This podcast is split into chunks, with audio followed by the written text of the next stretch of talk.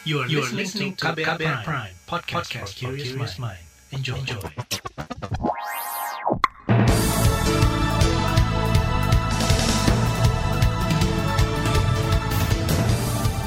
Selamat pagi saudara, senang sekali kami bisa menjumpai Anda kembali melalui program Buletin Pagi KBR edisi 18 Januari 2021. Bersama saya Don Brady. Sejumlah informasi pilihan telah kami siapkan di antaranya sejumlah bencana alam landa Indonesia sepekan terakhir. Kasus COVID-19 terus meningkat, epidemiolog minta pemerintah tingkatkan 3T. Perhimpunan Hotel Jakarta minta keringanan PSBB untuk sektor hotel dan restoran. Inilah Buletin Pagi dari KBR selengkapnya. Terbaru di Buletin Pagi. Saudara Badan Nasional Penanggulangan Bencana BNPB mencatat korban meninggal akibat gempa bumi yang terjadi Jumat pekan lalu di Mamuju dan Majene, Sulawesi Barat bertambah menjadi 73 orang.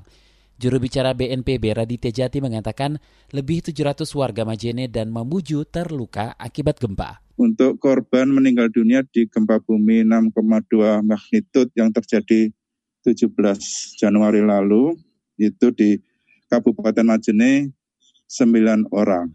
Kemudian Kabupaten Mamuju meninggal dunia 64 orang. Jadi total semuanya adalah 73 orang meninggal dunia. Puluhan ribu orang masih mengungsi akibat banjir di 30 titik di Majene dan Mamuju. Badan Meteorologi, Klimatologi, dan Geofisika BMKG meminta warga Sulawesi Barat waspada akan potensi gempa susulan.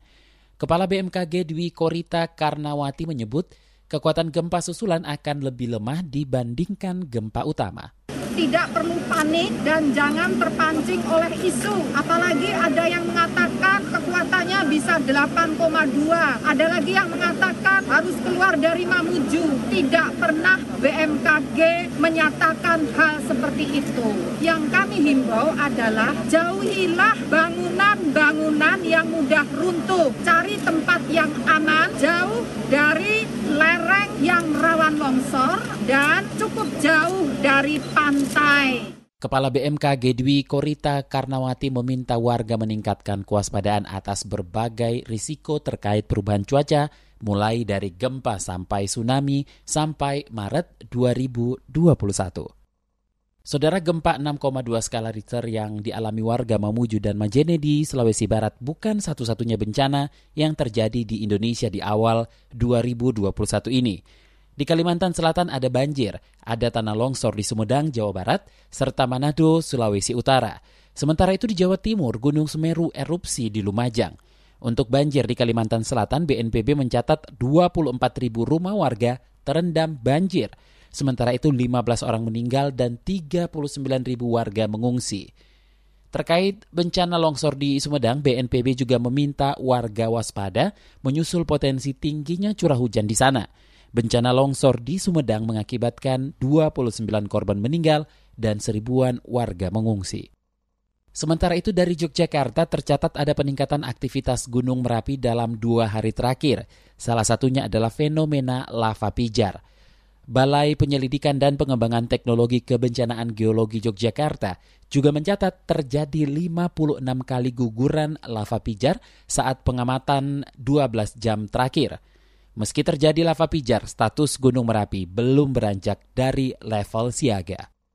Saudara Presiden Joko Widodo mengaku terus memantau perkembangan sejumlah bencana alam yang terjadi di tanah air.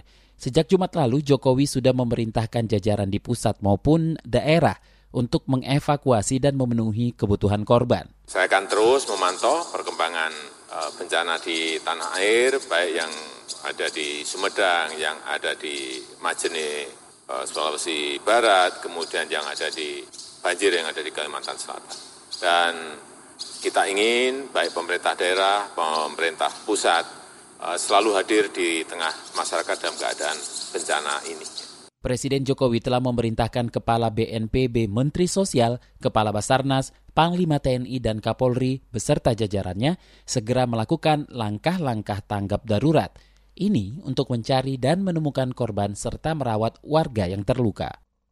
Kementerian Sosial menilai faktor alam bisa menghambat penyaluran bantuan logistik ke daerah bencana. Menteri Sosial Tri Risma hari ini mencontohkan jalur utama menuju Kabupaten Mamuju dan Majene di Sulawesi Barat putus tertutup material longsor. Karena kemarin itu terputus ya, terputus antara Makassar dengan Mamuju itu terputus karena ada longsoran. Mungkin sekarang baru mulai dikerjakan. Sehingga uh, bahan kebutuhan pangan kita itu harus muter, muter uh, kurang lebih 6 jam. Jadi baru pagi tadi nyampe, karena mestinya 9 jam tapi baru karena ditambah muter 6 jam jadi baru tadi pagi nyampe. Kemudian kita baru bisa membagi. Jadi Menteri Sosial Tri Risma hari ini mengaku terus memastikan proses yang cepat terkait distribusi bantuan logistik bagi korban bencana di berbagai daerah di Indonesia.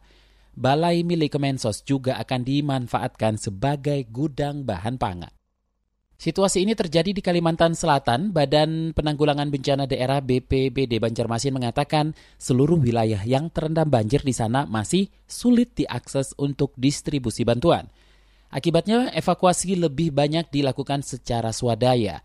Kepala Seksi Kedaruratan dan Logistik BPBD Banjarmasin, Harliansa. Bahkan prediksi kami, ini masih banyak yang belum terangkut karena akses dan prasarana yang dimiliki sangat terbatas. Kami cuma menggunakan kadang-kadang perahu milik masyarakat, hmm. kemudian perahu ada itu ban mobil, kemudian perahu parkir itu pun milik swadaya masyarakat yang uh, mereka lakukan untuk melakukan penyelamatan rekan-rekan atau masyarakat karena uh, uh, itu yang menjadi kerja bersama dan pemerintah Kabupaten macam terima kasih pada masyarakat. Saudara diperkirakan ada 21 ribu warga di Kalimantan Selatan yang terdampak banjir selama lebih dari empat hari terakhir.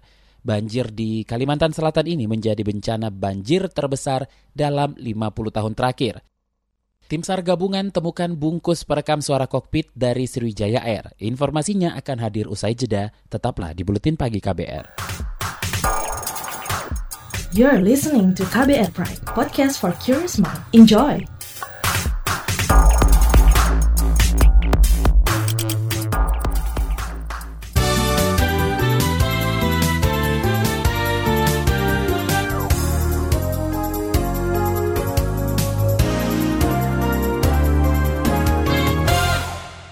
Kita ke informasi perkembangan jatuhnya pesawat Sriwijaya Air.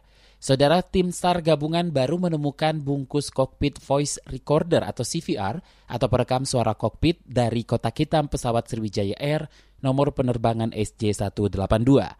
Benda tersebut ditemukan minggu sore kemarin. Direktur Operasional Basarnas Rasman MS mengatakan pencarian masih dilanjutkan untuk menemukan kartu memori rekaman percakapan suara di kokpit.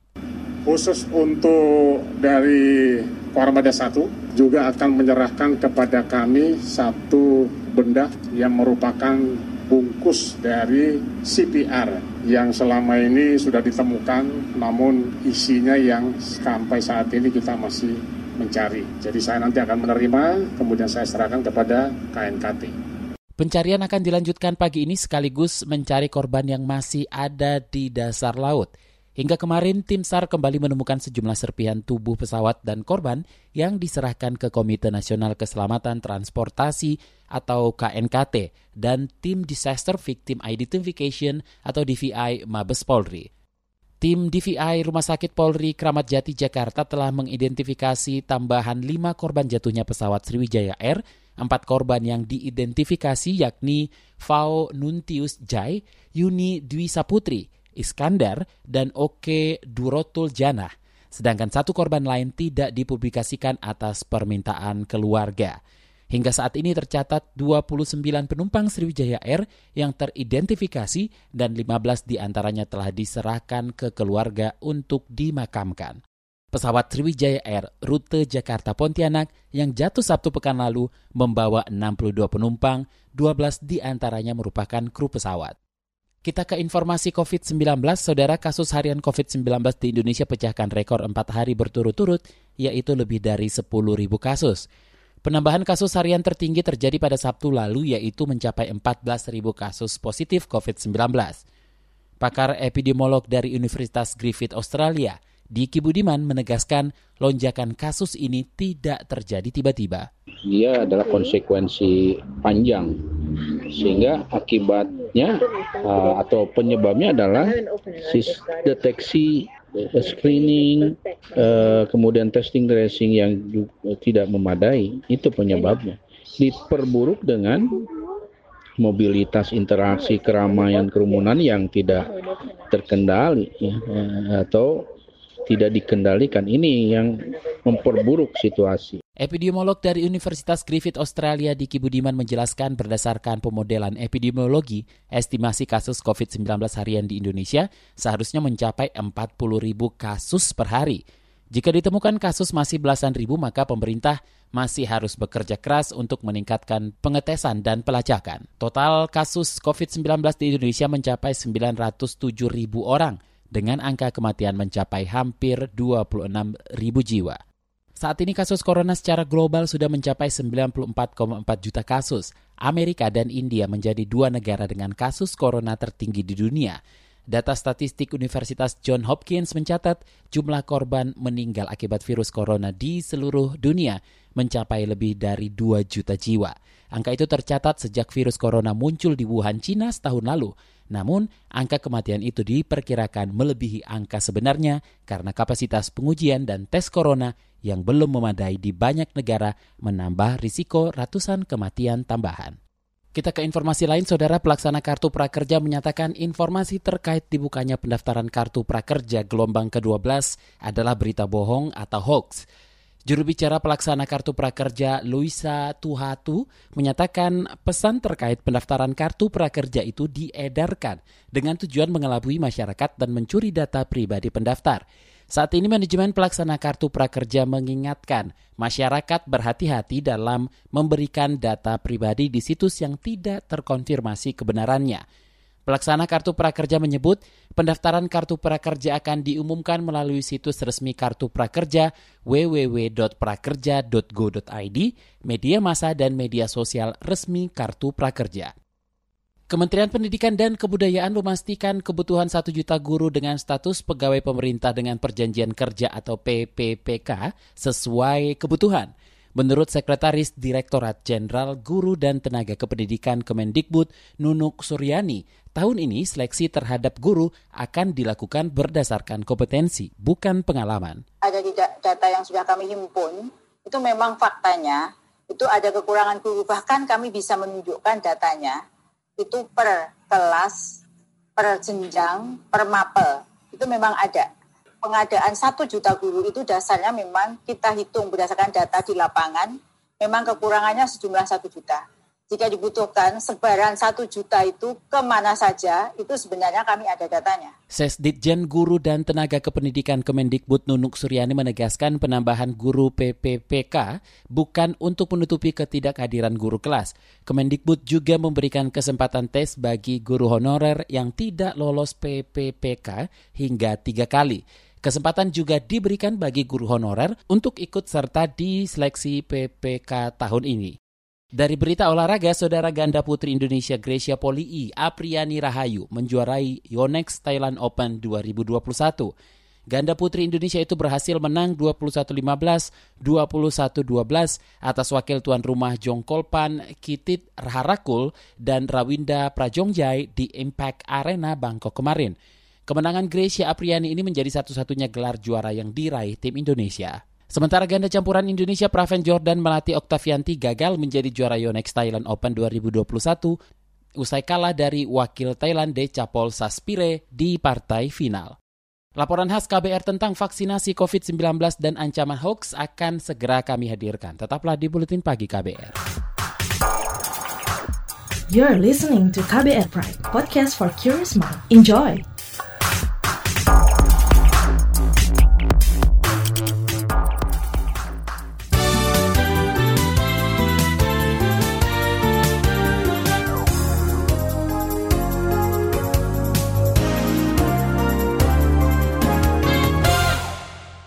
Anda masih bersama kami di Buletin Pagi KBR. Saudara program vaksinasi COVID-19 menghadapi banyak tantangan untuk mewujudkan target kekebalan masyarakat atau herd immunity. Salah satunya dari potensi penyebaran kabar bohong atau hoax yang bisa menurunkan kesediaan warga untuk divaksin. Simak laporan tim KBR yang disampaikan Astri Yuwanasari. Ada grup yang nyebarin hoax itu atau berita-berita yang nggak beres atau omongan yang nggak benar, biasanya gue keluar. Nah kan kalau kasus yang keluarga gini nggak bisa keluar, Pak. Dia dengerin aja Alfi kesal, banyak kabar bohong atau hoax soal vaksin COVID-19 yang beredar di grup aplikasi percakapan WhatsApp, termasuk di grup keluarga. Salah satunya soal hoax bahwa vaksin yang disuntikan ke Presiden Joko Widodo bukanlah vaksin buatan perusahaan Tiongkok, Sinovac setiap ada isu yang panas pasti ada berita hoaxnya kayak soal yang disuntik ke Jokowi bukan Sinovac, habis itu vaksin bisa bikin gini gitu gini gitu. Alfi makin sebal karena para penyebar hoax itu kerap berdalih hanya ingin berbagi informasi. Menurutnya, sikap itu tidak mencerminkan etika dalam menggunakan media sosial banyak sih sebenarnya yang berita yang ujung-ujungnya diklarifikasi yang yang kalau sebenarnya kalau dilihat di WA grup itu nyebarnya cepat. Dan gue sendiri juga nggak tahu itu mereka dapat dari grup yang mana. Hoax-hoax yang beredar yang biasanya ya dibungkus-bungkus dari orang tua gara-gara ya kesannya ngasih pembenaran aja kan ada berita bener gitu. Ya padahal nggak juga kan Warga Bandung ini tak segan menegur jika ada anggota keluarganya yang menjadi penyebar hoax. Ia sendiri sudah terbiasa mencari tahu kebenaran informasi dari sumber-sumber yang terpercaya kalau buat keluarga gue kayak bokap atau bibi atau gue yang sering ketemu ya gue bilang hati-hati begitu nge-share berita. Karena nggak semua yang ada di internet itu benar. Karena sekarang dengan teknologi semua orang tuh bisa ngetik apa nyampaikan informasi dengan mudah. Yang jadi bingung kan filternya mana yang bohong mana yang enggak nah itu yang gue bilang. Jadi kalau sebenarnya ada berita ya lebih baik nggak usah di-share karena yang udah gede juga bisa baca sendiri sih. Hoax juga mulai beredar di pedesaan. Rahmawati, Lurah Wirokerten, Yogyakarta mencontohkan baru-baru ini ada hoax tentang dampak buruk vaksin COVID-19. Informasi keliru itu disebarkan lewat Facebook dan grup WhatsApp. Kalau hoax itu mungkin di mana saja sama ya, ada di tempat kami hoax tentang vaksin juga ya variatif lah ada yang terus aku nggak mau gitu jadi kalau udah bahasanya ini vaksin ini membahayakan bagi yang menderita gula bapaknya gitu. Dia ada pengaruhnya. Lebih menurunkan stamina lah. Nanti dibuat ada yang bisa autis atau kalau anak perkembangannya itu nggak bagus gitu kan. Sampai ke hal-hal yang nanti kalau divaksin itu untuk yang alat reproduksi terganggu. Macam-macam seperti itulah. Rahmawati biasanya langsung menegur warga yang kedapatan menyebar konten hoax meskipun yang bersangkutan adalah tokoh masyarakat. Ia bersama jajaran perangkat desa mengklaim telah memberikan edukasi ke warga tentang fakta-fakta COVID-19. Tapi kita mesti mengingatkan, saya dengan Babin Kamtipmas, ini bijaklah dalam menyebarkan berita-berita. Mari kita memberikan ketenangan kepada warga masyarakat. Kalau masih di grup, ya masih kita langsung kita berikan peringatan. Pokoknya yang bisa disebarkan ke sini hanya berita-berita yang bisa dipertanggungjawabkan. Kalau hanya menyebar konten apa, kemudian hanya copy paste, hanya diteruskan, nah itu saya nggak bisa untuk menerima. Masyarakat Anti Fitnah Indonesia Mavindo mencatat ada 40-an hoax sudah beredar selama dua pekan terakhir. Mayoritas kontennya seputar vaksin COVID-19 seiring dimulainya program vaksinasi. Antara lain seputar efektivitas vaksin hingga dampaknya ke DNA manusia. Menurutnya, hoax punya potensi dampak besar, apalagi jika pembuatnya adalah orang yang dianggap kompeten dalam bidang kesehatan. Tapi impact yang lebih kritis itu adalah kalau asalnya itu dari dokter sendiri. Masalahnya adalah dokter itu adalah profesi yang masyarakat tuh nggak bakal mempertanyakan gitu karena memang sudah keahliannya. Yang jadi problem tuh adalah apa yang dikomunikasikan oleh dokter itu sebenarnya harusnya levelnya diskusi ilmiah yang seharusnya antar dokter atau yang setidaknya kemampuan atau kepengetahuannya itu memang sudah tinggi di bidang sains kedokteran. Tapi kalau langsung dilempar dalam bentuknya seperti surat ter terbuka segala macam itu akan rentan bikin kesalahpahaman di masyarakat. Sebaran hoax soal vaksin bisa diperparah dengan kesimpangsiuran informasi dari pemerintah. Itu sebab strategi komunikasi dan sosialisasi harus diefektifkan agar publik mampu memilah konten hoax sosialisasi yang efektif gitu ya. Karena gini aja deh. Tadi kan kita aja mungkin nggak tahu jadwalnya vaksinasi itu kayak gimana gitu, karena sosialisasinya juga masih belum jelas. Katanya nakes yang duluan, terus kenapa selebriti duluan yang disuntik gitu loh. Itu aja masih kebingungan gitu. Tapi saya ngerti sih, selebriti duluan divaksinasi itu untuk memberikan contoh kepada masyarakat. Oke, itu benar. Tapi buat selebritinya, seperti yang tadi saya bilang tadi, dikasih tahu juga bahwa jangan aneh-aneh lah. Demikian laporan tim KBR, saya Astri Yuwanasari. Informasi dari daerah akan kami sajikan usai jeda, tetaplah di Buletin Pagi KBR. Commercial break. Vina, seorang volunteer dari komunitas Biho memberi pesan kepada teman-teman Broken Home untuk dapat bangkit dari keterpurukan dan mampu berdikari.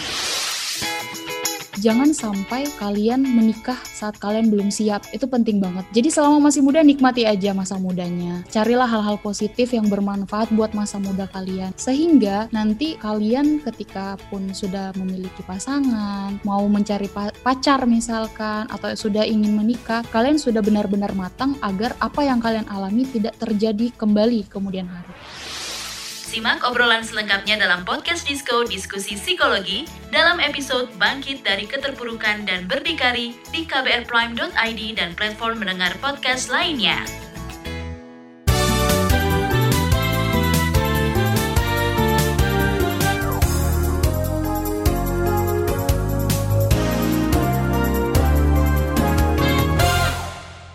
Inilah bagian akhir buletin pagi KBR, Saudara Perhimpunan Hotel dan Restoran Indonesia PHRI meminta pemerintah meringankan aturan pembatasan sosial berskala besar untuk sektor perhotelan dan restoran. Dalam keterangan tertulisnya Ketua BPD PHRI DKI Jakarta, Sutrisno Iwantono, menyebut hotel dan restoran merupakan subsektor yang paling terpuruk dan diprediksi pulih lebih lama dibanding sektor lain saat pandemi virus corona.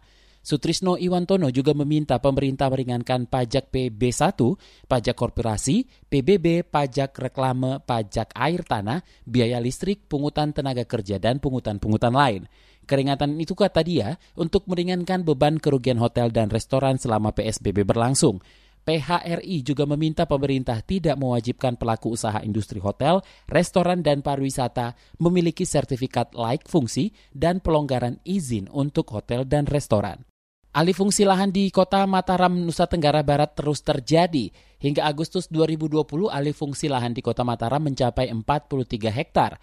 Kepala Dinas Pertanian Kota Mataram, Muta Wali, bahkan memprediksi 3 hingga 4 tahun ke depan, alih fungsi lahan akan menyasar lahan pertanian berkelanjutan. Ketika dia, didekati oleh pengembang, di sebelahnya sudah terbangun, otomatis dia akan kena. Potensi akan kena itu kira-kira mungkin 3-4 tahun ke depan tuh ada akan terjadi.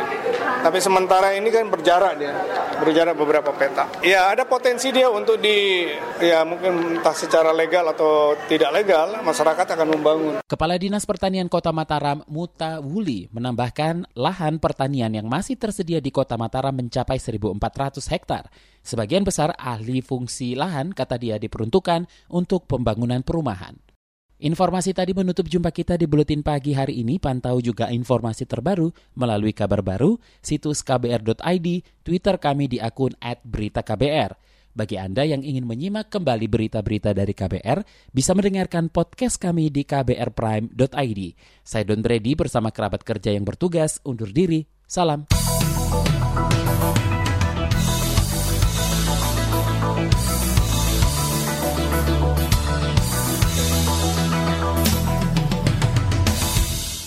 KBR Prime, cara asik mendengar berita.